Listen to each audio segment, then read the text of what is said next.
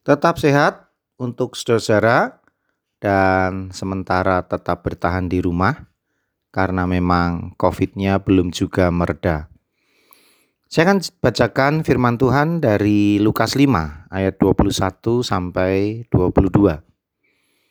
Tetapi ahli-ahli Taurat dan orang-orang Farisi berpikir dalam hatinya, siapakah orang yang menghujat Allah ini? Siapa yang dapat mengampuni dosa selain daripada Allah sendiri. Akan tetapi Yesus mengetahui pikiran mereka, lalu berkata kepada mereka, Apakah yang kamu pikirkan dalam hatimu? Lukas 5 ayat 21 sampai 22. Saudara-saudara ada peribahasa dalamnya laut dapat diukur, dalamnya hati siapa tahu dan itu benar.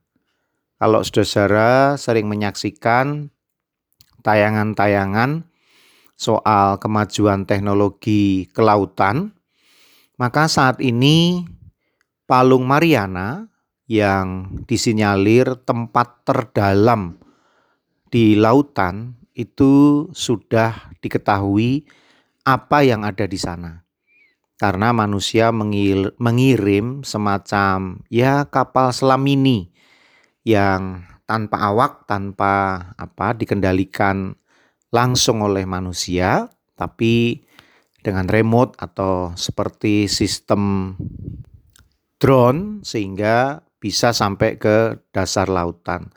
Memang ada hewan-hewan unik, tumbuhan-tumbuhan unik, dan bahkan ketika saya menontonnya ada yang bisa menyala.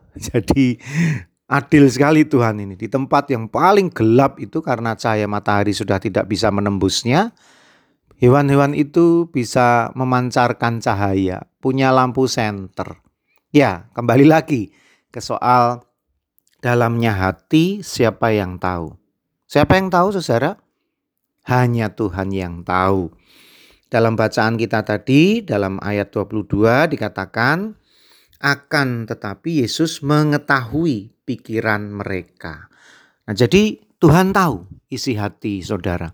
Tuhan tahu isi hati kita. Nah, masalahnya dalam kehidupan sehari-hari kita bukan Tuhan.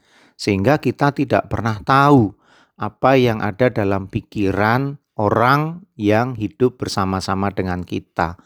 Jangankan teman rapat, teman sekantor, teman sepelayanan pasangan hidup kita saja, kita nggak tahu apa yang sedang dipikirkan ketika dia mengucapkan sesuatu, ketika dia melakukan sesuatu. Bisa jadi apa yang dipikirkannya berbeda dengan apa yang dilakukannya. Apa yang diucapkannya berbeda dengan apa yang dipikirkan hatinya. Jadi sehari-hari kita bisa berhadapan dengan orang yang munafik bisa saja. Apa itu munafik? Munafik itu apa yang dilakukan hari ini, yang diucapkan, yang dinyatakan berbeda dengan apa yang dilakukan di kemudian hari. Bahkan bisa-bisa saat itu juga berbeda apa yang diucapkan, apa yang dipikirkan dengan apa yang dilakukan. Rumit manusia itu. Nah, setelah kebuka atau kebongkar apa aslinya barulah kita bisa mengatakan oh kamu ini manusia munafik. Kenapa munafik? Sebab beda di mulut, beda di hati, beda yang dilakukan. Beda hari ini, beda besok, beda lusa. Semua hanya kepura-puraan saja untuk mencari keuntungan, mendapatkan keuntungan, dan tercapai tujuannya. Dasar manusia munafik. Dan itu tidak sulit kita cari.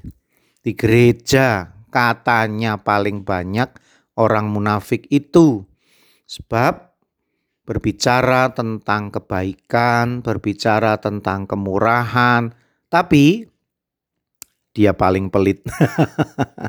ya, tapi sekali lagi ada di mana-mana, saudara. Di negeri ini sangat banyak orang yang munafik dan itu yang membuat negeri ini sulit maju. Orang pura-pura santun, orang pura-pura segan, orang pura-pura hormat, orang pura-pura, semua serba pura-pura. Jadi tidak seperti apa adanya. Dan itu yang membuat kita menjadi sulit maju. Tapi ya sudahlah, apa mau dikata, kita hidup dalam lingkungan seperti itu yang penting. Bukan saudara orang yang munafik itu. Kenapa? Tuhan tahu. Sekali lagi, Tuhan tahu apa yang ada dalam hati saudara. Dan sekali lagi, hati-hati. Pada akhirnya kita ini sebetulnya ada dalam satu kebenaran peribahasa yang menyebut sepandai-pandainya tupai melompat, maka akan jatuh juga. Saudara jangan sampai terjatuh ketika saudara melompat dari tempat yang tinggi.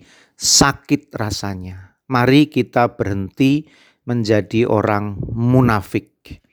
Kita belajar jujur mengatakan tidak ya tidak, mengatakan iya ya iya, mengatakan yang sebenarnya seperti apa yang kita lakukan. Berhentilah berpura-pura, berhentilah menjadi orang munafik, karena kalau ketahuan malunya nggak habis-habis. Mari kita merenungkannya. Ya ingin berdoa untuk saudara-saudara. Tuhan bantu kami untuk memiliki ketulusan hati, sehingga kami dalam bertindak, dalam berperilaku, bukan untuk mencari pujian. Bahkan ketika kita mengatakan sesuatu yang indah-indah, yang baik-baik, yang bagus-bagus, tidak hanya teori semata, semua hanya kemunafikan dan kepura-puraan semata sehingga kita hanya manis di bibir, kami hanya manis di bibir, tapi tidak pernah melakukan dalam kenyataannya. Ampuni kami Tuhan, ampunilah kami. Saat-saat seperti ini, negeri kami sangat membutuhkan orang-orang yang tidak saja pandai bicara yang indah-indah, tetapi yang lebih penting adalah tindakan dalam ketulusan dan kejujuran. Panggil kami untuk menjadi orang-orang yang menolong tanpa pamrih, tanpa kepentingan, tetapi setulus hati kami.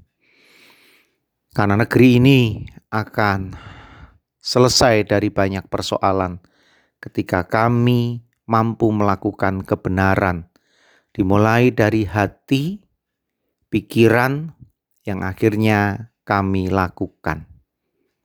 Berkati kami Tuhan, pulihkan negeri kami. Hadirkan pemimpin-pemimpin yang tulus hatinya. Ini doa kami di dalam nama Tuhan Yesus Kristus. Amin. Masih bersama dengan saya Pendeta Yudi dalam Renungan Emas. Esok masih ada solusi.